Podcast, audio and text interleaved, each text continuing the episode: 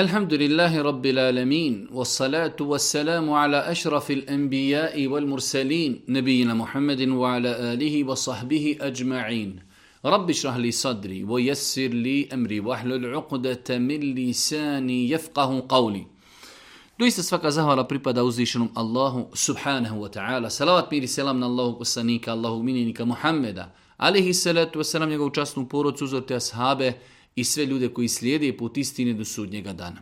Uvažna braću i poštovane sestre, uvaženi gledatelji, evo nas u još jednu emisiju koju se družimo sa vašim pitanjima i vašim dilemama vezanim za islam. Ovo je, hvala uzvišom Allahu Tebarak ve Ta'ala, 50. emisija u serijalu koji smo pokrenuli prošle godine od mjeseca Ramazana, a prošle godine u mjesecu Ramazanu, koliko se sjećam, imali smo 10 emisija, tako da sada već imamo 60 emisija u kojima smo odgovarali na vaša pitanja i vaša dileme. Sigurno je to sada jedna velika, velika baza podataka, e, velika baza odgovora gdje se može naučiti mnogo, mnogo interesantnih pitanja iz našeg svakodnevnog života. Ovo je ujedno i naša posljednja emisija u mjesecu Ramazanu. Mi ćemo nakon mjeseca Ramazana, ako Bog da, napraviti svakako jednu kraću pauzicu povodom Bajrama, a nakon toga, ako Bog da, ponovo se vratiti našim serijalima i našim emisijama. Ponavljamo po ko zna koji put da je doista mnogo pitanja koja stižu i pristižu na naš e-mail, na našu adresu. Nemoguće je stići i brojem e-mailova odgovoriti na sva pitanja, a s druge strane postoje određena pitanja koja su doista komplikovana, teška, na koja mi ne možemo dati odgovor, zato tražimo unaprijed halala od svih vas, oni kojima ne odgovorimo na njihova pitanja. Prvo pitanje večeras imam komšiju. Dijete koje je jako bolesno i ostao je bez roditelja, ali koje je druge vjeri, odnosno nije musliman, pa mi zanima da li ispravno dati njemu zekijat i katul fitr. U hadisu kojeg bilježi imam Buharija i muslim stoji da je Allah poslanik kada je slao Muaz ibn Džebela u Jemen kazao mu je prvo što ćeš pozvati stanovnike Jemena jeste da vjeruju u Allaha, nakon toga ćeš im pojasniti da obavljaju namaz, pa ako ti se kaže odazovu, počne obavljati namaz, Poduči ih da im je uzvišnji Allah propisao zekijat i onda kaže Allah poslanik uzima se od njihovih bogataša i vraća se njihovoj sirotinji, njihovoj. Od muslimana se uzima i vraća se njihovoj sirotinji, pa su kazali islamski učenjaci na odnosu na osnovu ovog hadisa da se zekijat i katul fitr u osnovi daje muslimanima. Svakako to ne isključuje kada je u pitanju ovo dijete bez rotelja i ako je bolesno da se pomogne ali ne da se, ispomaže, da se ne pomaže iz fonda zekijata.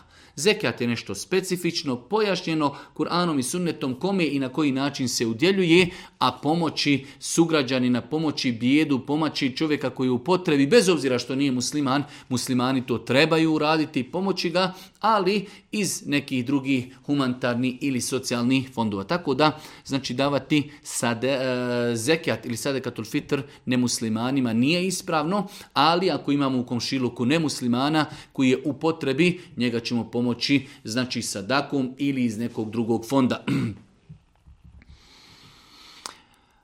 E, selam aleikum, po prvi put se javljam pošto ne mogu zapamtiti nijete za namaz na pamet, da li mogu donijeti nijet iz srca i tako dalje. E, svakako, e, mi smo o tome više puta govorili, e, izgovarati nije riječima je novotarija. Izgovarati nije riječima je novotarija. Božji poslanik Ali Seletu Veselam nije izgovarao nije riječima, niti su to činile prve generacije muslimana. Nijet je u srcu. Dovoljno je dok smo krenuli abdestiti, to je naš nijet. Zašto abdestimo? Želimo da Klanjamo namaz. Kada stanimo na svoju seđadu, zašto smo stali? Želimo da klanjamo namaz. Koji namaz? Podni namaz. Allahu ekver. Tako da je E, znači nije je u srcu, nema potrebe da se uče nijeti riječima, to je novotarija. S druge strane, pogledajte, imamo početnike u vjeri koji optereti to učenje nijeta, jer imamo različite namaze, podne, pa sunneti, pa farzi, pa ikindija, pa akšam, pa jacija, pa džuma, pa dženaza, pa muško, pa žensko, pa bajram, kurbanski i tako dalje, mnogo namaza, mnogo nijeta, a sve je to bespotrebno, tako da dovoljno je nijet u srcu. Pitanje broj tri. Koji stav e, je stav za davanje e, sadekatul fitra i zekijata u druge zemlje koji su siromešne kao Jemen, Palestina i tako dalje? Mogu li se poslati sadekatul Fitra tamo u parama pa da oni njima kupe prehrambeni artikle? E, islamski učinjaci generalno su kazali da zekija treba da se e, uplaćuje zekijat i sadekatul fitr u društvu i mjestu gdje čovjek živi. Znači, e, osnova to je osnova da u jednom gradu, u jednoj državi ljudi zekijat prikupljaju i da se taj zekijat daje njihovim siromasima. Ali imamo doista sada situacije gdje ljudi žive u Americi, žive po Europi, žive u Australiji, jednostavno u svom okruženju bukvalno niti znaju muslimane, niti znaju bijedu, E, u takvim slučajevima, znači hvala Allahu Đeršanu, pa je dozvoljeno da se zekijat e, pošalje i uplati u neke druge e, države muslimanske gdje su ljudi u potrebi i na kraju krajeva i to je jedan pokazatelj savršenstva i ljepote Islama da je čovjek musliman iz neke Njemačke spreman svoj imetak da uplati za nekog muslimana u Somali, u Jemenu ili u Iraku ili ne znam u Palestini. Tako da ako čovjek ne može naći kome će izdvojiti svoj zekat ili sad sadekatul fitr eh, u mjestu gdje on živi, onda nema smetnje da se taj zekijat pošalje znači u neke druge države eh, gdje ima potreba. E sada slamo to slanje iziskuje da imamo povjerljive ljude kojima ćemo dati, koji znaju šerijetske propise, koji će to na vrijeme izdvojiti, koji će dostaviti onima koji zaslužuju.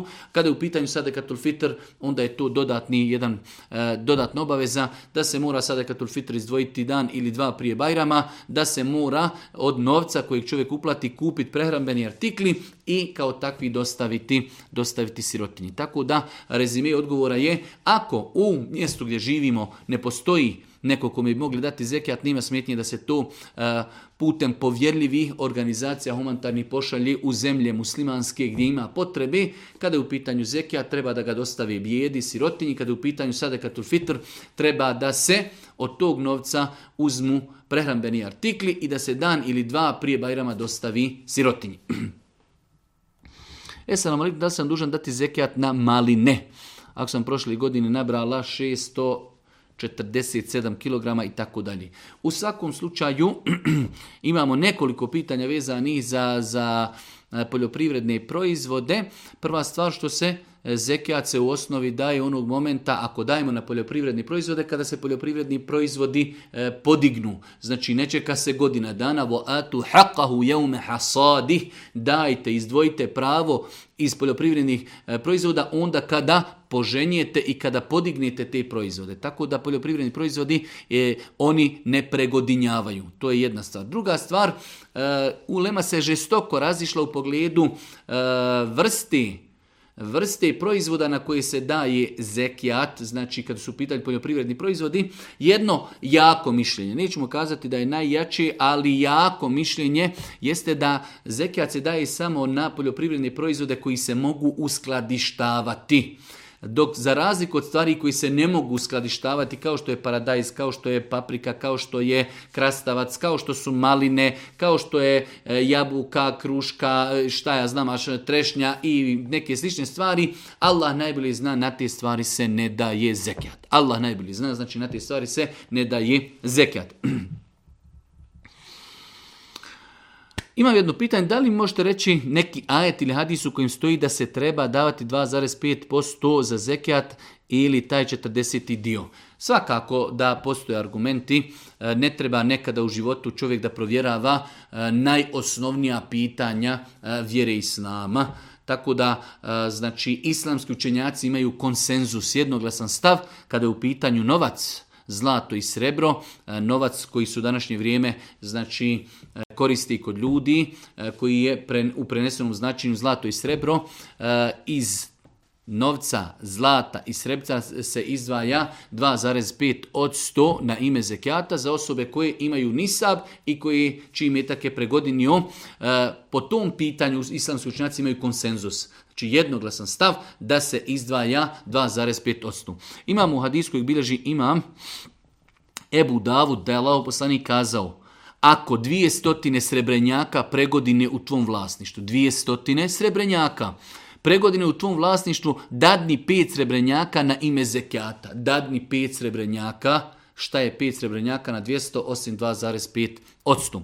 E, imamo i drugi hadise, tako da e, ne treba sumnjati u neke osnovne, osnovne informacije i osnovne e, činjenice i teze o islamu. Znači, islamski činjaci imaju jednoglasan stav kada je u pitanju zlato, srebro, trgovačka roba i kada je u pitanju novac u današnje vrijeme, da osoba koja ima nisav i čiji metak je pregodinio, iz toga izdvaja 2,5%. Kako dobiti 2,5%? cifru i metka kojeg imamo podijeliti sa brojem 40. Pa ako imamo 30.000 maraka, podijeliti sa 40. Rezultat kojeg dobijemo, to je naš zekijat. Danas sam imala kratku prepirku sa mužem koji je bio toliko, bila je toliko bezazlena, ali je izašla nešto veliko. Na kraju je rekao nećemo mi komunicirati, kupi svoje stvari, idi kući i tako dalje. Pitanje je da li je to razvod braka ili ne. Znači čovjek i žena se naljutili, počelo je od sitnice baš kako mi to sve uspijemo e, ekstra uraditi, od sitnice napravimo i do te mjeri da smo došli do granice da je čovjek se naljutio i kazao ženi idi kući, idi svojima. Da li je to razvod braka ili ne? Ja sam dodatno poslije kontaktirao sa ovom osobom. E, u osnovi ovakve stvari se vraćaju na namjeru čovjeka. Znači u islamu imamo dvije vrste e, termina za razvod braka. Imamo termine koji su e, direktni. Kada čovjek kaže ženi razvodim te, razvedena si, puštena si. To su termini u kojima znači nema više potrebe pitamo a šta si namjeravao. To su direktni termini. Imamo indirektne termine kao što je ovaj. Da čovjek se naljuti i kaže ženi idi kod svojih. Idi kod svojih može značiti puštena si, idi kod svojih a može i značiti idi kod svojih malo sam ljud dok se jednostavno stvari malo ohladi, pa se tada postavlja pitanje tom čovjeku koji to rekao šta si namjeravao tog momenta kada si izgovarao tu riječ. Ako kaže da, jesam, namjeravao sam tim riječima, razvedena si, onda je to razvod braka. Ne, ako kaže ne, nije mi razvod braka pao na pamet, jednostavno želio sam da žena ode kod svojih i da malo se ohladim, pa ćemo poslije razgovarati o tom problemu, onda to nije razvod braka. Znači u islamu, kada je u pitanju razvod braka, imamo dvije kategorije termina za razvod braka, oni koji su jasni, nedvosmisleni, Čovjek ako to kaže, razvod braka se je desio. Ako čovjek koristi prilikom razvoda braka dvosmislene termine, kao što je u slučaju idi svojima. Tada pitamo čovjeka šta si namiravao u srcu. Ako kaže namiravao sam, idi svojima da se malo odljutimo, onda nije razvod. Ako kaže da, ja sam želio da i razvedem, nisam znao kako se to izgovara, rekao sam idi svojima, razvedena si, tada je tu razvod braka. Da li je dozvoljeno gledati filmove i serije tokom posta? E, filmove i serije gledati u toku posta može se postaviti općenitije pitanje da li je generalno dozvoljeno gledati filmove i serije. E, filmovi i serije u većini slučajeva sadrže u sebi stvari koje su šerijatom i islamom zabranjeno, od toga što imamo tu muziku, od toga što imamo e, žene koje nisu šerijatski pokrivene, da ne govorimo o drugim nekim nemoralnim stvarima koje se mogu vidjeti u filmovima i serijama, tako da znači i mimo posta i u postu vjernik muslima ne bi da gleda, trebao da gleda filmove i serije zbog mnošta stvari koje u sebi nose filmovi i serije, a koje su zabranjene islamom od muzike od razgoličenih žena, od e, scena e, erotskih, intimnih, poljubaca i mnogo drugih e, i direktnih i indirektnih poruka koje ti filmovi i serije šalju u gledateljstvu, tako da vjernik musliman to ne bi trebao raditi ni u postu, ni izvan posta. Da li je dozvoljeno dati punici vitre i zekijat? E, s aspekta da li možemo da, da zet dadne svojoj punici zekijat ili vitre, može. Zato što, znači, rekli smo, zekijat i vitre se ne mogu davati uzlaznoj i silaznoj lozi. Ne može e, sin dati svojim roditeljima zekijat, niti roditelji mogu dati svome djetetu.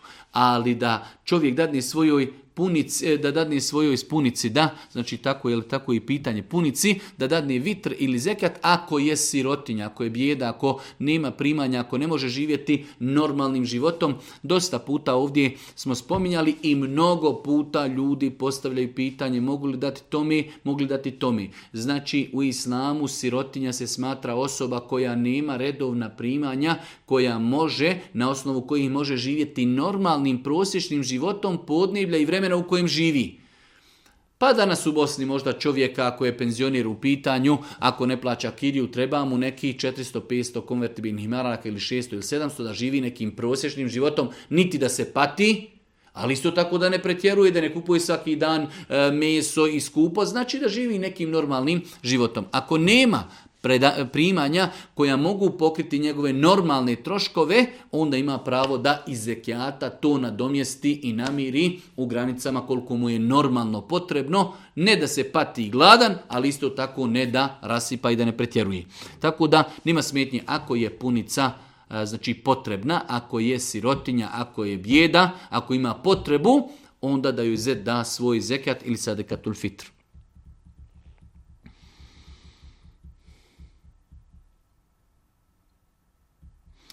jedno čudno pitanje. Da li osoba koja ima puno problema, ali baš puno problema sa vesesama i koja misli da će od toga poludjeti, mora postiti. Kada god zaposti dolazi kako je pokvario post, kako stalno guta hranu i tako dalje. Pogledajte, braću moja draga, mi dosta puta nismo ni svjesni Allahove blagodati prema nama E, što nismo iskušani vesvesama i šetanskim došaptavanjima. S druge strane nismo svjesni kroz kakve probleme prolaze ljudi koji imaju problema sa vesvesama. Nekada su vesvese u abdestu, nekada u kupanju, nekada u namazu, nekada, evo vidite, u postu do te mjere da čovjek e, postavlja pit da li mu je obaveza zapostiti Jednostavno čovjek hoće da poludi, e, znači ima konstantno došaptavanje da je pokvario svoj post. svakako insan sve dok je razuman, dok je razuman njemu post ostaje obaveza. Ali sada treba da se liječi od ovog problema. Najbolji lijek je, jeste svakako ignorisanje. Ignorisanje. Čovjek živi s narodom. Vidi da ljudi abdeste pa nikom je to nije pokvarlo post. Ljudi dišu zrak pa to nikom nije pokvarilo. Ljudi udišu eh, možda dim eh, ili ukus hrane čuju, pa to nikom ne kvari, ali znači nekom je to pravi problem, vese se, pokvario sam post, pokvario sam post, progutao sam pljuvačku, pokvario sam post, pomirisao sam, pokvario sam post, vidio sam, pokvario sam post, Čovjek treba da se poduči šerijetski šta kvari post, šta ne kvari, da to apsolutno ignoriše, a Boga mi u ovakvim slučajevima i da zatraži e, konsultovanje i termin kod psihologa, kod psihijatra nije daleko jer je ovo sigurno jedan i tekako opasan stadij. Da li je post pokvaren ukoliko se ne okupamo odmah nakon polucije u snu, već se odgodi za kasnije? Nema smetnje. Insan, znači ako se desilo u toku dana da je spavao i imao je poluciju u snu, da kažemo, klanjao je podne, legao spavati i polucirao je u dva sata, primjer radi.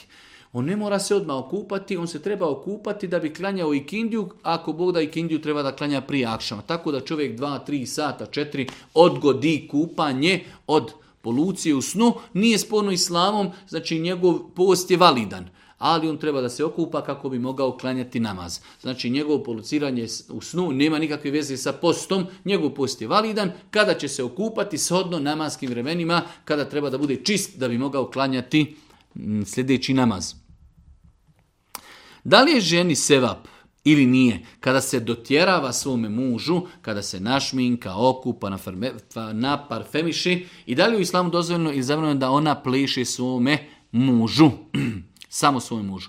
Svakako da je sevap i dobro djelo da se žena e, i dotjeruje i sređuje svome mužu i da se našminka i da se okupa i da se počešlja i da se e, ne znam šta sve može uraditi. U svakom slučaju e, da to potpada pod dobro djelo traženje zadovoljstva svoga muža. Boži poslanik kaže u dojstvom hadisu kad su ga pitali koje su to najbolje žene, kaže najbolje žene su one koju muž kada pogleda ona ga razveseli. Razveseli ga i ponašanjem, i izgledom, i postupcima, i tako dalje. I kaže, one žene koje muž kada joj nešto zatraži, naredi, ona mu se ne suprostavlja u svemu tomi. Da li žena može plesati pred svojim čovjekom ako se radi samo o plesu pred njenim čovjekom, da nema niko drugi tu, svakako da nema u tome ništa sporno kao jedan vid, hajde da kažemo, bračne harmonije, e, iskazivanja ljubavi, pošteje, poštovanja i ne znam nija čega drugog. U svemu tome nema ništa sporno ako se samo radi znači da žena pleše svome čovjeku u želji da znači E, zaradi i zadovolji njegove potrebe i da ga razveseli i da poveća vračnu harmoniju, ako Bog da sve to ispravno i u redu. Imamo počisto ona pitanja gdje ljudi kažu da li može klanjati osoba koja nikada nema abdest. I onda ljudi navode situacije e, kada čovjek ne može čuvati abdes, da li se radi o puštanju vjetrova, o nekontrolisanju mokraći mokrači e, ili kod žena kada je u pitanju bijelo pranje, kada je u pitanju krv e, i tako dalje. Ne možemo za takve osobe kazati da nemaju abdest jednostavno mora da znamo da je takvim osobama namaz i dalje obaveza. To što neko ne može kontrolisati vjetar, to što neko ne može kontrolisati mokraću, to što neko ne može kontrolisati e, krvarinje i tako dalje, nije razlogom da ostavimo namaz. Nažalost, velik broj naših sestara ili čak muškaraca, kada imaju problem sa ispuštanjem vjetrova ili mokraći, ostavi namaz. Misle da je njihov namaz neispravan. Nije tačno. Čovjek dok je razuma, njemu je namaz obaveza. Tako da Takva situacija se u islamu zove sahibi udhr. Čovjek ima opravdanje. Jednostavno, Allah je dao da boluje takvu bolest i Allah ne opterećuje insana preko njegovih mogućnosti. Ne možemo njemu reći klanjaj, moraš imati abdest. On ne može imati abdest. Zato su kazali islamski učenjaci, u takvoj situaciji čovjek će, kada nastupi namasko vrijeme, abdestiti ako ima šta da očisti, očisti, ako u pitanju mokraća, očistit će se, zaštitit će se od isticanja mokraće ili krvi, i nakon toga uzeti abdest i klanjati. Makar u namazu osjetio da je nešto isteklo ili da je pustio vjetar ili da ne može kontrolisati mokraću ili da krv ističi, njegov namaz ili njen namaz je inšala biznila ispravan, validan i obaveza je da se pazi na namaz i namaska vremena. Moj djever i njegova supruga su invalidi i tako dalje, imaju djecu i tako dalje, imaju minimalnu penziju koja im nije dovoljna, da li sada ta žena i njen muž mogu dati tom njenom djeveru sadekatul fitr i zekat. Znači pita žena za svog djevera, a odnosno to je brat od njenog muža. Da li brat može dati svome bratu zekat ili sadekatul fitr? Rekli smo opet, potpada, ako potpada pod kategoriju siromaha, vjede ako je potreban, a ako je invalid, ako e, ta primanja koja dobiva nisu dovoljna da pokriju osnovni elementarni potrebe njihove egzistencije, onda imaju pravo da uzmu iz zekijata. Jedno malo duže pitanje koje je opet mnogo toga spomenuto što nam nije potrebno. Žena je organizirala iftar, pa ljudi su iftarili, ona je počela iftariti, a nije proučila dovu za iftar. Pa je pitanje da li taj dan treba napostiti. Ne treba, nema potrebe. Znači, e, učenje dove za iftar je i pohvalna stvar nema znači smetnje da insan uzme znači i pojede datulu, popije vode ili uzme sok ili pite ili bilo šta drugog, da počne bismiletom, pa čak i da ne rekne ni bismila, njegov post nema sa tim nikakve, nema sa tim nikakve veze, tako da osoba koja je E, zaboravila proučiti dovu ili zaboravila kazati bismillah, bitno je da je nastupilo vrijeme da je sunce zašlo, da je po se može iftariti. E, kako i na koji način će čovjek iftariti, e, to ne utječe na validnost njegovog posta. Tako da post je validan. 15. pitanje. Imam pitanje za vas vezano za lov i držanje lovačkog psa. Naime, supruge učlan lovačko društvo, da li je to zabranjeno? E, nema smetnji, nema smetnje da musliman se bavi lovom i u svemu tome i da ima koristi i lovačkog psa. U islamu je znači pas u osnovi kao kućni ljubinac zabranjeno da imamo kućnog ljubimca psa, ali je dozvoljen ako će nam čuvati stoku, ako će nam čuvati usjeve, ako će nam e, znači pomagati u lovu, pa i analogno tome noćas ćemo o tome govoriti. Ako će nam čuvati naš imetak, našu kuću, možemo znači imati psa. U protivnom, u protivnom kao kućnog ljubimca to je zavrajeno. Tako da nema smjeti da se čovjek bavi i znači lovom kao rekreacija, kao sport jednostavno i u svemu tome i da ima psa. E sada, Svakako, kod nas generalno, kroz ta lovačka društva veoma često zna proći svašta, od muzike, od alkohola, od ubijanja svinja, pa e, jedenje tog mesa i mnogi neki drugi stvari. Čovjek generalno, znači u islamu, u skoro svim knjigama islamskog prava fika imamo propise e, znači lova. U islamu je dopušteno čovjek lovi, pogotovo ako ima potrebu za tim lovom u smislu da čovjek sebi obezbijedi e, hranu, svakako. E sada imaju pravila i propisi koje meso je halal, kada se ubije koje nije halal, šta se smije raditi, šta se ne smije, to je jedno veliko poglavlje. Insan koji znači bude član određenog lovačkog društva treba da se pazi e, kada je u društvu da izbjegava, da ne bude na mjestima gdje se pijanči, gdje se pije, gdje se psuje, gdje se muzika sluša i tako dalje, ali generalno biti u lovačkom društvu, baviti se lovom, imati lovačkog psa, ako Bog da sve su to dozvoljene i dopuštene stvari. Pitanje kako pomoći šta uraditi da spasim sina od alkoholizma mnogo toga čovjek mora, treba i može da poduzme. Svakako jedna od najbitnijih stvari jeste dijalog, razgovor, e, paziti na društvo, s kime se druži, u većini slučajeva e, droga, nargila, duhan, alkohol, sve to počinje od loših društva. Nadzor, kontrola, e, vjera, Najbolje što čovjeka može odaljiti od onoga što je zabranjeno jeste vjera. Da čovjek spozna Allaha, da spozna da je to u islamu zabranjeno, da osoba koja je na dunjalku pije alkohol neće ga piti na, na ahiretu. E, e, zabrana e, kazne koje su propisane za konzumiranje alkohola i mnoge druge stvari, ali vjera, vjera jednostavno kada čovjek vjeruje u Boga, tada nima potrebe da ga nadziriš. On sam sebe nadzire zato što zna da ga uzvišeni Allah vidi, da meleki zapisuju njegove postupke, pa jačanje vjeri, jačanje religioznosti, jačanje spoznaje Allaha svakako će ostaviti pozitivnog traga na čovjeka i u pogledu ostavljanja nargile i alkohola i kocke i mnogih drugih loših stvari. Sedamnaest, Da li je post ali ako ne klanjam nama zbog toga što, što nas gips na ruci sprečava da uzmemo abdest? Vidite, šta znači neznanje. Da li je naš post validan jer ne klanjamo zato što imamo gips na ruci? Ne postoji situacija u kojoj čovjek može izostaviti namaz. Ovo moramo zapamtiti kao jedan veliki temelj imamo gips na ruci, abdesti ćemo sve dijelove tijela koje možemo oprati, opraćemo kada dođemo do gipsa, po gipsu ćemo potrati mokrom rukom i naš, naš abdest je ako Bog da validan ispravan.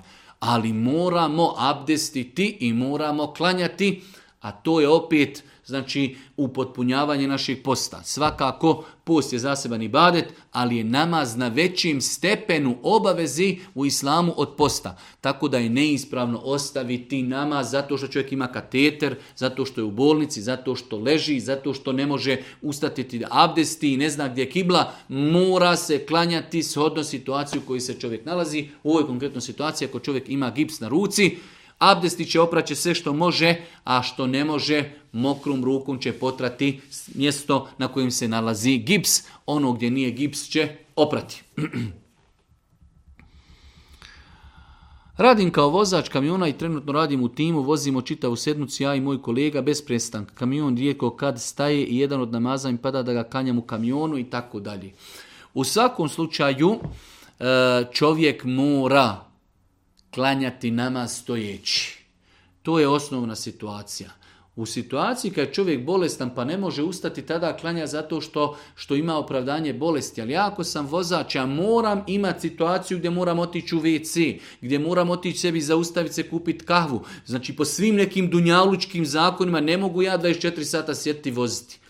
Bilo koja moja pauza, ja imam pravo iskoristiti da prostrim sebi karton i dvije minute klanjam dva rekiata farza podne ili kindije i mirna Bosna. Tako da, e, znači, e, dosta puta smo govorili o tome kada su u pitanju namazi u kamionima, da se moraju namazi klanjati stojeći, okrenuti u pravcu kibli. Mora biti pauza, mora biti pet minuta kada stanim da kupim kahvu, da obavim fiziološku potrebu, e tada ću stati dvije minute, klanjaću svoj namaz i nastavljam dalje. Može se za volanom klanjati na fila na putu čovjek može dobrovoljno namaz klanjati, ne mora se okretati ni prema kibli, ne mora stajati. Znači za volanom čovjek može voziti i klanjati. To može na fila dobrovoljni namaz. Farzi se moraju klanjati stojeći i moramo se okrenuti prema kibli.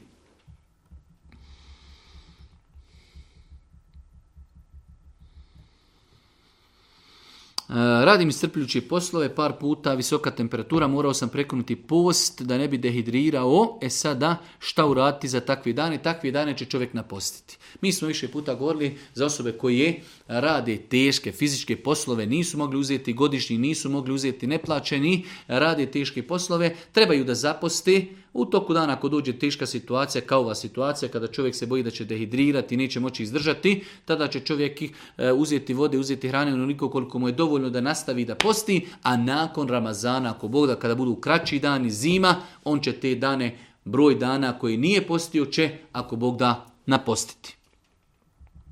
Evo lagano već završava se Ramazan i već lagano počinju i pitanja o mjesecu Ševalu, da li je propisano postiti šest dana mjeseca u Ševalu, kada i kako. U svakom slučaju, e, došlo je vjerodostojno hadisima da Allah poslanik je kazao ko e, posti mjesec Ramazan, a nakon toga poprati to sa šest dana u mjesecu Šaualu, bit će mu upisano kao da je postio cijelo vrijeme, kao cijelu godinu da je postio, tako da je lijepo i pohvalno da organizujemo sebe i svoje poroce kada prođe Bajram, da ako Bog da u narednom mjesec dana organizujemo se da postimo šest dana. Najljepše je što prije to obaviti, ali može se postiti na početku mjeseca, na sredini, na kraju, ne moraju dani biti spojeni, možemo jedan dan postiti pa pet dana pauze, pa tri dana postiti pa pet pauzi, kako god, bitno je da ispostimo šest dana u mjesecu koji dolazi nakon mjeseca Ramazana. Prvi dan ne smije se postiti, to je dan Bajrama, već nakon toga može se postiti.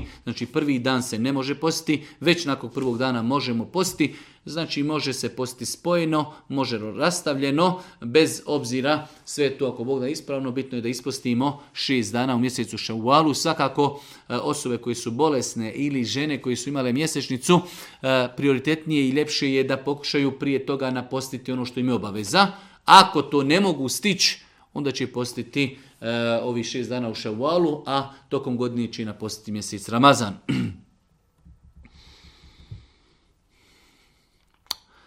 Jedan interesantan e njega sam e, više spomenuo zbog Ibreta, ne zbog odgovora. Imam pitanje, radi se o osjetljivoj temi, naime supruga mi je invalid 100%. Ja se brinim o njenoj čistoći, o hrani, o preslaci, o pampersu i pempasu, a ja sam slijep 95%.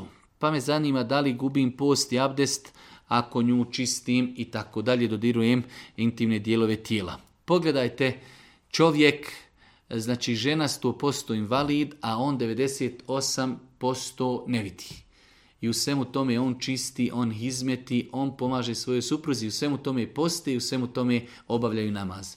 Šta ćemo mi imati izgovor na sudnjem danu koji smo zdravi, pravi, mladi i čovjek ne klanja namaz i možda velik broj naše omladine ne posti, u toku dana sjedi pred nargilom, sjedi pred kafićom, a ovaj čovjek, njegova supruga 100% invalid, on 90% ne vidi, i u svemu tome on izmeti toj svojoj supruzi i pita za propis. Propis je da doticanje znači intimnog dijela tijela supruge e, ne kvari post, pogotovo zato što je to potreba, a treba se znači mijenjati abdest tako da će čovjek svoje obaveze prilagoditi kada završi sa hizmetom oko svoje supruge nakon toga će ako Bog da uzeti abdest, klanjati namaz i ako Bog da nastaviti za svojim obavezama. Znači, doticanje e, spolnog organa svoje supruge e, kvari abdest, ali ne kvari post. Kvari abdest, ali ne kvari post. U braku sam malo više od tri mjeseca, ali nisam se uspjeli vjenčati šerijatski, živimo u Njemačkoj, dolazit ćemo u Bosnu, uradit šerijatsko vjenčanje i tako dalje. E, braću drage cijeni sestre, veoma često se dešava da ljudi sklapaju brak e, i da smatraju da je dovoljno to što su sklopili općinsko sklapanje braka. E, islamski učinjaci su kazali da općinsko sklapanje braka nije dovoljno i da ne zamjenjuje šerijatsko sklapanje braka, zato što u šerijatskom sklapanju braka se traži definisanje mehra, trebaju biti svjedoci, treba biti saglasnost staratelja i tako dalje. Tako da nemojte se poigravati. Ako se već E, želite e, udati ili oženiti, e, onda neka to bude ispravno po sunnetu, po islamu, pravima islama, znači da se obavi šerijatsko vjenčanje, da se ispune uvjeti i svjedoka, i mehra, i saglasno staratelja, sve te stvari kako se poslije ne bi pitali je li naš brak ispravan ili nije, znači generalno, generalno gledajući, općinsko vjenčanje nije dovoljno i nije zamjena za šerijatsko vjenčanje. Da li je ispravno klanjati za imamom koji je derviš? Ako taj insan e, znači ne radi stvari koje ga izvode iz vjere islama, definitivno da je dozvoljeno, znači prema stavu e, islamskih učenjaka ili sunneta, dozvoljeno da čovjek klanja za osobom koja ima pri sebi određene novotarije. Dozvoljeno je čovjeku da klanja za osobom koja ima pri sebi određene otarje, sve dok te novotarije nisu toliko krupe da čovjeka izvode iz vjere. U većini slučajeva, ako kažemo termin derviš, misle se to ljudi eh, u datom pobožnjaci, ljudi imaju određene virdove, eh, znači zikra, eh, veličanja Allaha, učenja Kurana i tako dalje, tako da inšala biznila i nema nikakve smetnje da se za takvim insanom klanja i takav namaz je inšala ispravan, sve dok ne dođe do granice da ne daj Bože Mm, ovaj ili neki drugi imam, znači radi djela koja izvode iz vjere islama, što je jedno zasebno pitanje, a sve dok čovjek pri sebi ima neke novotarije, ima određene grijehe, namaz za njim je validan i ispravan. Opet pitanje o bavljenju lovom. Ja sam student, tako i tako. U slobodnom vremenu se bavim lovom. Član sam lovačkog društva. E, sada selektivan odstrel zbog ravnomjernog očuvanja svih vrsta u lovištu. Da li je dozvoljeno loviti određene stvari samo zbog, evo kako kaže, selektivnog odstrela, jednostavno da bi se balansiralo, čak je ovdje naveden e, primjer e, lisica, pojavi se povećan broj lisica ili divljih svinja. Da li je dozvoljeno učestvovati u svemu tome? Ako je u tom je korist, znači ako imamo potrebu, pojavilo je se znači velika, velika, velik broj lisica, velik broj divljih svinja, pa da se napravi e, znači jednostavno sistematski da se to rješava odstrel da bi se izbalansirale stvari na određenom podneblju. Učestvovati u svemu tome inšala bizna ne vidim uopšte ništa u tome sporno s tim što treba uvijek naglasiti na našim podnebljima ljudi kada e, ubiju divlju svinju e, nerijetko se dešava ili da je prodaju nemuslimanima ili kompenziraju nekada njima nemuslimani daju ovcu, oni njima daju divlju svinju i tako dalje. To je neispravno. Divlja svinja životinja je zabranjena muslimanima za jesti, samim tim e, bilo koja korist koja proizilazi iz toga je zabranjena. Ono što je zabranjeno jesti, nama je to zabranjeno i prodati, nama je to zabranjeno i poklonuti, nama je to zabranjeno i kompenzirati sa nekim, tako da ubijena svinja, znači prema islamu, s aspekta islama ne može se koristiti i ne može se, ne može se njeno meso konzumirati, bez obzira da li će ga konzumirati muslimani što je haram ili dati nekom drugom da ga eh, konzumira. E, pitanje povodom noći Lejletul Kader može li se klanjati posebno na fila u kojoj stoji da je poslanik rekao ko klanja u noći Kadera dva rekiata na svakom prouči Fatihu i sedam puta kulhu valla i tako dalje i tako dalje e, i tako bit ćemo oprošteni grijesi. E, da li je to utemeljeno? Nije utemeljeno. Ne postoji hadis u kojem Boži poslanik vjerodostan hadis je pojasnio da postoji posebna na fila za noć Leletul Kadar. Prvo što mi ne znamo kada je noć Leletul Kadar, pod jedan. Pod dva, e, znači mi u zadnjoj trećini mjeseca Ramazana tragamo za noći Kadera, e, tragamo na način da provodimo noći u ibadetu namaza tako što klanjamo dva po dva. Dva po dva, pa koliko ko može, nakon toga na kraju klanjamo vitr namaz. Ne postoji ovakav namaz kako je pojasnilo da se E, po sedam puta uči sura kulhuvalla i ovako i onako, kao poseban namaz koji se klanja u noći Leletul Kadar, to je novotarija, neosnovana vrsta namaza. Znači u islamu ne postoji takav namaz. pitanje malo duže, ali eto prije pet dana sam u svom vrtu ispred kući našla macu, u Njemačkoj živim, da li sam griješna što sam uzela tu macu, nema smetnje da čovjek ako nađi ili na bilo koji drugi način e, uspije dobiti mačku, da je uzme sebi kao kućnog ljubimca. E, čak je to vid dobročinstva. Našli smo neku mačku koja je možda povrijeđena, ostavljena, možda bi i e, uginula. Mi smo je uzeli, podigli, odhranili, držimo je sebi kao kućnog ljubimca, inšallah, to je minimum da kažemo da je dozvoljeno, a možemo inšallah imati i nagradu ako se radi o tome da smo je spasili život. Tako da nema smetnje imati mačku kao kućnog ljubimca ljubimca. E, svakako osobe koje imaju kućne ljubimce moraju paziti da se kućni ljubimci redovno hrani, jer znamo na za Boži poslanik rekao žena će ući u džehennem i bit će kažnjena samo zato što je zatvorila mačku, nije pustila da sama sebi traži hranu, niti je ona joj obezbijedila hranu i piće. Tako da nema smetje da imamo za kućnog ljubimca macu, mačku, ali da joj obezbijedimo uvjete hrani. Možete li mi kazati kako se klanja na fila namaz i nijet za na filu namaz? Jednostavno, znači velik broj ljudi sada u Ramazanu možda tokom godine ne klanjaju e, na file, pa onda postavljaju pitanje kako se klanja na fila namaz. Na fila namaz je e, dobrovoljni namaz koji se klanja u naj, najkraće pojašnjeno kao sabarski sunet ili sabarski farzi. Znači, nijet ništa posebno. Idemo abdestimo, sama činjenica smo krenuli abdest, što idemo abdest? Želim da klanjam na filu, noćni namaz. Stajemo na, na mjesto gdje klanjamo, na svoju pastekiju, na svoju seđadu, Allahu ekber, to je dovoljno. Nakon toga učimo subhaneke, učimo euzu, učimo bismilu, učimo fatihu, nakon fatihu učimo bismilu, učimo neku suru. Standardno kada klanjamo saba, odlazimo na ruku, vraćamo se sa rukua, idemo na seždu, pa se vraćamo sa sežde, pa druga, pa druga sežda, ustajemo na drugi rekiat, učimo opet e, bismilu, učimo fatihu, učimo ponovo bismilu, učimo suru, odlazimo na ruku, vraćamo se na kijam, idemo na seždu, pa druga sežda, sjedimo, učimo etahijatu, salavati i predajemo selam. Ništa komplikovano, jednostavno, znači kao da klanjamo sabahske sunnete ili kao da klanjamo sabahske farze, dva rekiata, nikakav poseban nijet, dovoljno je samo reći Allahu Ekber. Znači, kao da klanjamo sabahske sunnete ili kao da klanjamo sabahske farze.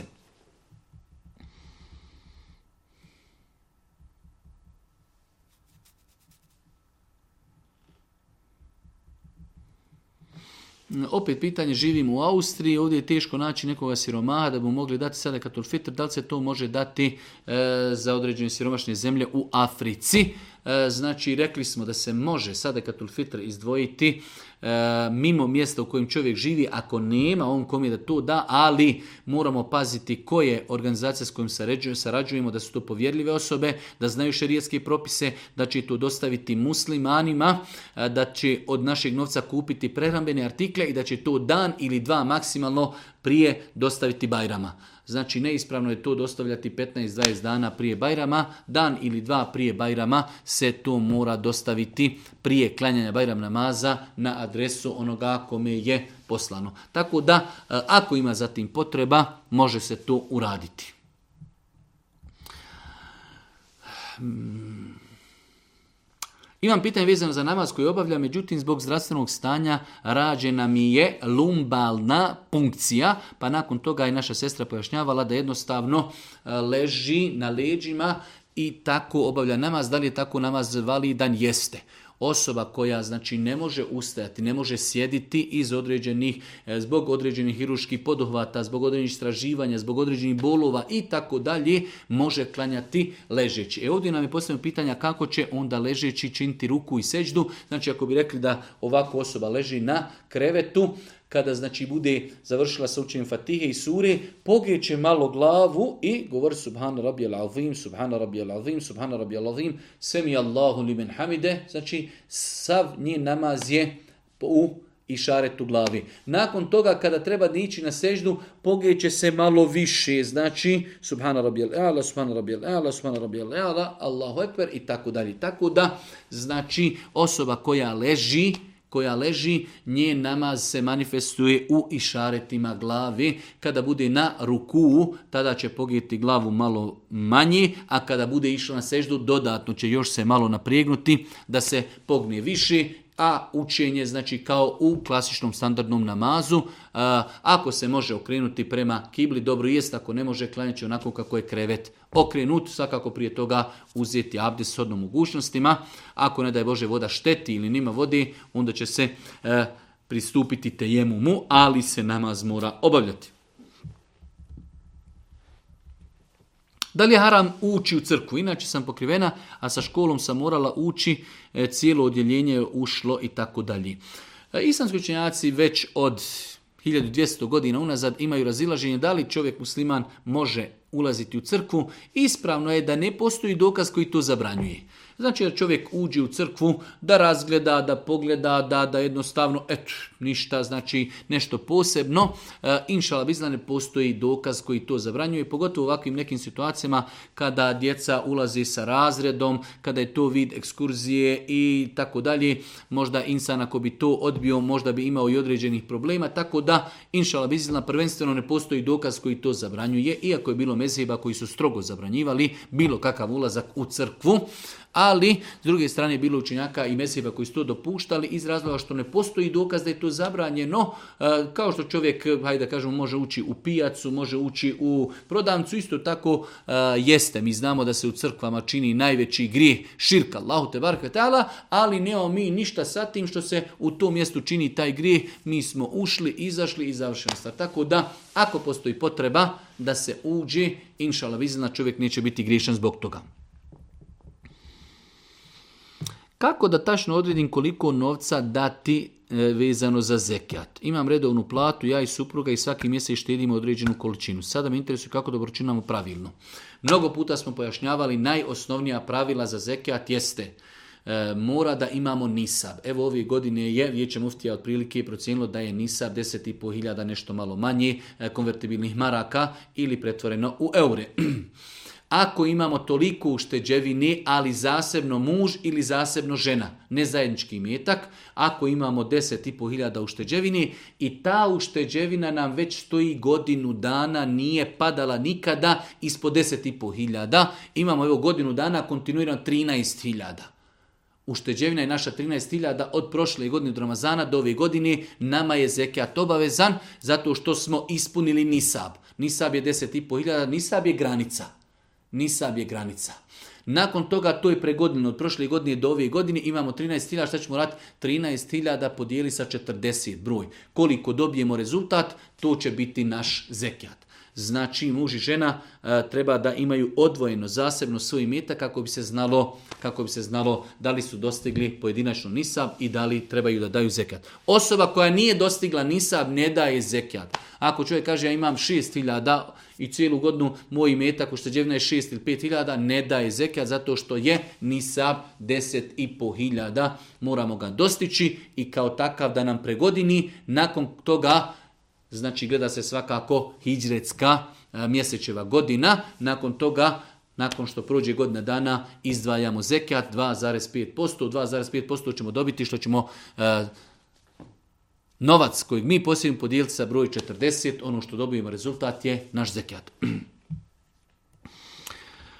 Da li prilikom abdesta mogu po jednom da operim svaki dio tijela ili moram baš po tri puta? Može, ako smo sigurni, znači kada abdestimo, da li moramo svaki dio poprati po tri puta ili je dovoljno jednom? Dovoljno je jednom, ali da budemo sigurni da smo obuhvatili e, znači vodom cio taj dio.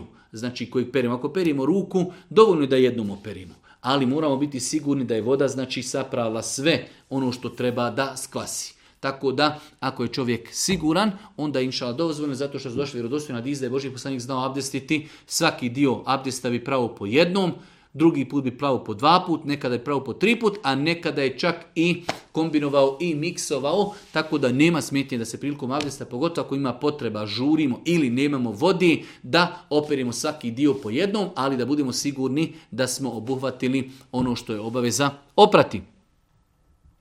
Da li je noćni namaz za imamom u mjesecu Ramazanu vredniji od noćnog namaza u kući? Generalno gledajući Boži poslanik kaže najbolji namaz čovjekov je namaz u kući osim farza.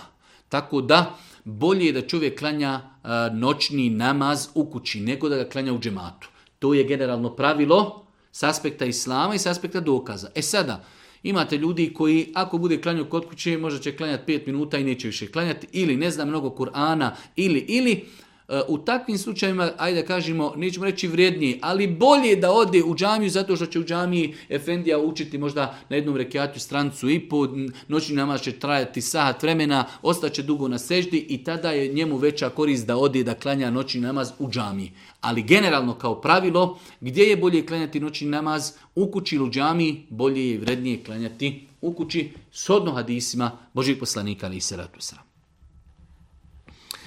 jedno malo duže pitanje sa datumima, u svakom slučaju pitanje je čovjek ima novac koji pregodinju. Treba da izvoji zekijat, ali potpisao je ugovor, pred ugovor da treba da kupi stan ali će isplaćivati stan za nekih, hajde da kažemo tek mjesec i po dva, da li će on izdvajati zekijat na imovinu koju ima ili ne? Hoće. Znači, kad bi rekli da čovjek ima 120.000 maraka i one su mu evo sada pregodinile. Kupio je stan i treba stan po, ugovoru za mjesec i po da isplaćuje. Da li će takav insan isplaćuje, dati zekijat na sav novac kojeg ima? Da, zato što je još taj novac u njegovom vlasništvu. Da je uspio prije pregodinjavanja da taj novac isplati e, o vlasniku kuće ili stana, tada ne bi imao obavezu. Ali taj novac je ostao kod njega, pregodinio je, treba da na, njega da treba da na njega izdvoji zekat. Pitanje broj 35. Putujem kod svojih roditelja 500 eh, km i ostaću kod njih 3 dana. Jesam li dužan postiti te dane dok sam kod svojih roditelja? Eh, osoba koja putuje 500 km u jednom pravcu i 500 u drugom, on je musafir apsolutno. E sada, eh, Znači, on ako nema svoju kuću, ide svojim roditeljima u goste, on je u toku boravka kod roditelja, on je musafir. Ali isto tako, u jednom momentu čovjek došao je kod svojih rotila, bit će tri dana, oni poste, on ne posti, to kao on je musafir. Ne postoji više neki validan razlog, ja da on ne posti, čak možda će ljudi kazati, evo kakav je on musliman, ne posti, mi svi postimo i tako dalje. Smatram da je bolje da se posti. U momentu dok vozimo, dok smo putnici, da, tada čovjek baš ima pravo i da ne posti, ali u tom par dana boravka kod naših roditelja, mi jesmo musafiri s aspekta islama, ali jednostavno ambijent oko nas, svi ljudi posti, mi ne postimo zato što smo mi musafiri, jednostavno iako imamo pravo da ne postimo, mislim da je bolje postiti. Dok se vozimo 500 km i naporno i teško i trebamo, treba nam vode i treba koncentracija i popiti kahvu u redu, znači da čovjek u tim momentima ne posti, razumno je, ali onog momenta kada dođemo kod svojih roditelja, pogotovo ako su religiozni, ako klanjaju, ako posti, onda će baš biti ono, oni posti, ustaju na sehur, iftari, mi tu smo musafiri, mislim da je puno bolji ako se može i kako da se posti, ali ako čovjek ima znači potrebu da ne posti, on je musafir, može da ne posti. 36. pitanje, da li je dozvoljen i šerijetski regularno da se brak sklopi online i onda tako malo duži pitanje i gore dole. U svakom slučaju, da li je dozvoljeno sklopiti brak putem savremenih načina komunikacije, putem Zuma, putem eh, Whatsappa, Vibera, kamere, eh, laptopa, mobitela i tako dalje. Eh, islamski su kazali da ipak treba se paziti Brak je nešto sveto, brak je nešto bitno, brak je nešto skupo, brak je nešto veliko u životu, ali isto tako nekada doista postoji potreba za tim, jednostavno kao što je nedavno bio znači imali smo problem sa koronom, ljudi ne mogu se kretati i tako dalje. Ako postoji zatim potreba i ispune se svi uvjeti, ovo je mnogo bitno, da se ljudi ne poigravaju, čovjek nazove djevojku preko voca, pa e, hoćeš se udat, hoću, eh, ti si od moja žena. A to nikako. Ali da se doista, znači putem e, savremene tehnologije, pogotovo sada imamo grupne pozive, Whatsapp, Viber, Zoom, da imamo kamere, svi ljudi jedni druge vide, vidimo mladu, vidimo mladoženju, vidimo efendiju, vidimo roditelje, vidimo svjedoke, e, vi svjedoci čujete li šta govorimo, čujemo. Staratelju čujete li vi šta govorimo, čujemo. Mlada, čuješ li ti, čujem. Mladoženja, čuješ li ti, efendija ili u redu, jest. Možemo li početi? Možemo. Eh, ti, ti uzimaš li tu i tu gospođu za, za suprugu, uzimam staratelju ili vi dozvoljavate, uzim. Jednostavno, bukvalno oni su kao u datu, oni kao da sjede u jednoj sobi. Ako bi se svi uvjeti validnosti braka ispunili, ako Bog da, brak je validan, ispravan, ali se ne treba poigravati sa tim stvarima. Znači, ako će se brak sklapati, onda mora biti e, i staratelj, i mlada, i mladoženja, i svjedoci, i defendica se mehr, i onaj ko sklapa brak, i svi u isto vrijeme čuju razgovor, svi se vide međusobno, uz Allahu pomoć tako skopljen brak, ako postoji potreba, je validan. Ali ako se ikako to može završiti uživo, definitivno je prioritetniji i bolji. da li je dozvoljeno Bajram čestitati riječima Bajram Bara Čula i odgovoriti Allah Razula? čestitanje Bajrama čestitanje Bajrama potpada pod običaj, pod običajno pravo, tako da bilo koji način kako ljudi izražavaju i čestitaju jedni drugima Bajram, inša sve dok u tome načinu nema ništa šerijetski sporno, je dozvoljeno. Tako da kazat nekom Baraču, on vama kaže Allah razvola uz Allah pomoć nema ništa sporno s aspekta Islama.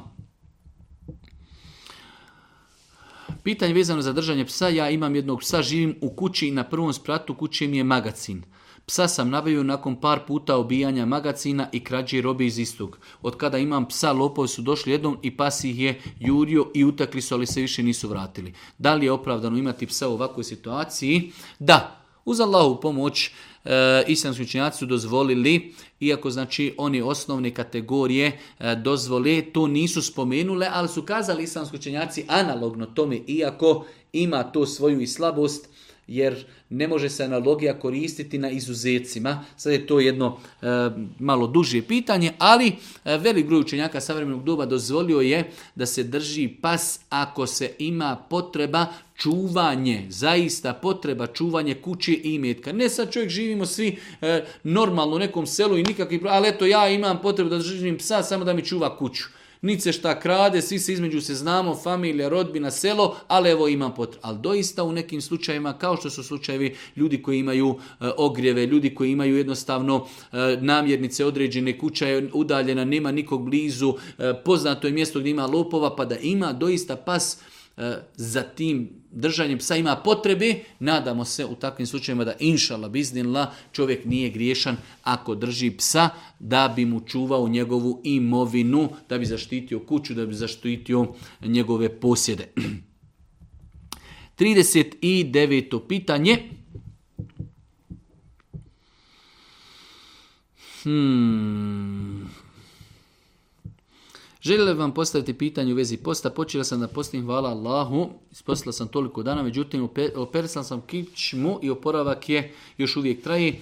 E, imam obavezu plivanja i fiziotera, fizioterapije. Da li fizioterapija i plivanje kvari post?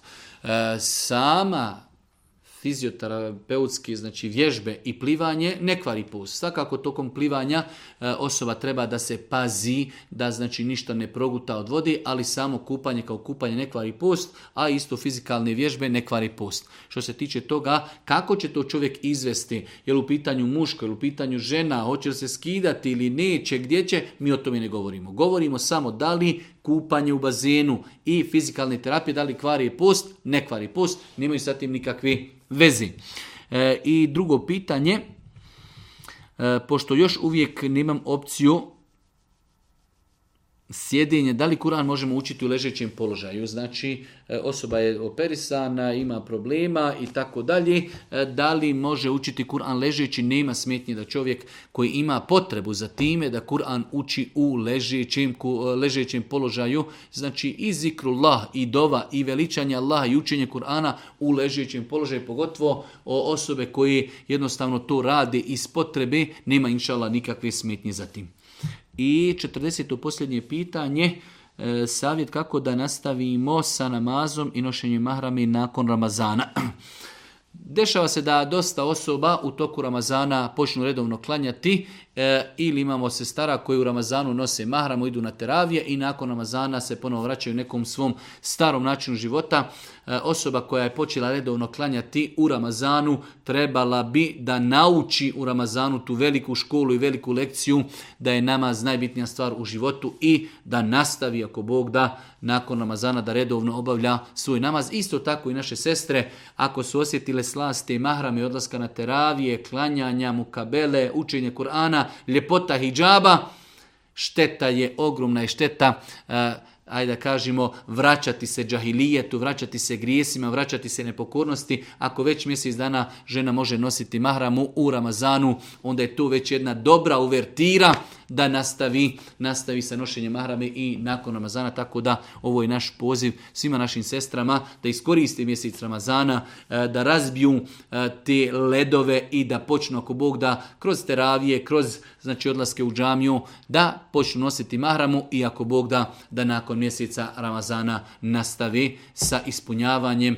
te velike obaveze koju je njima propisao njihov gospodar, a to je nošenje islamske odjeće hijjaba. Allah Đelšanu molimo da u Kabuli naše ibadete koji smo činili mjesecu Ramazanu, Allah subhanahu molimo da nam bude milostiv na sudnjem danu, molimo ga da nas poduči propisima vjeri i da nam lakša prakticiranje onoga što znamo. Subhanaka Allahumma bihamdike, šedu in la ila in stakfiruke, wa etubu ilik.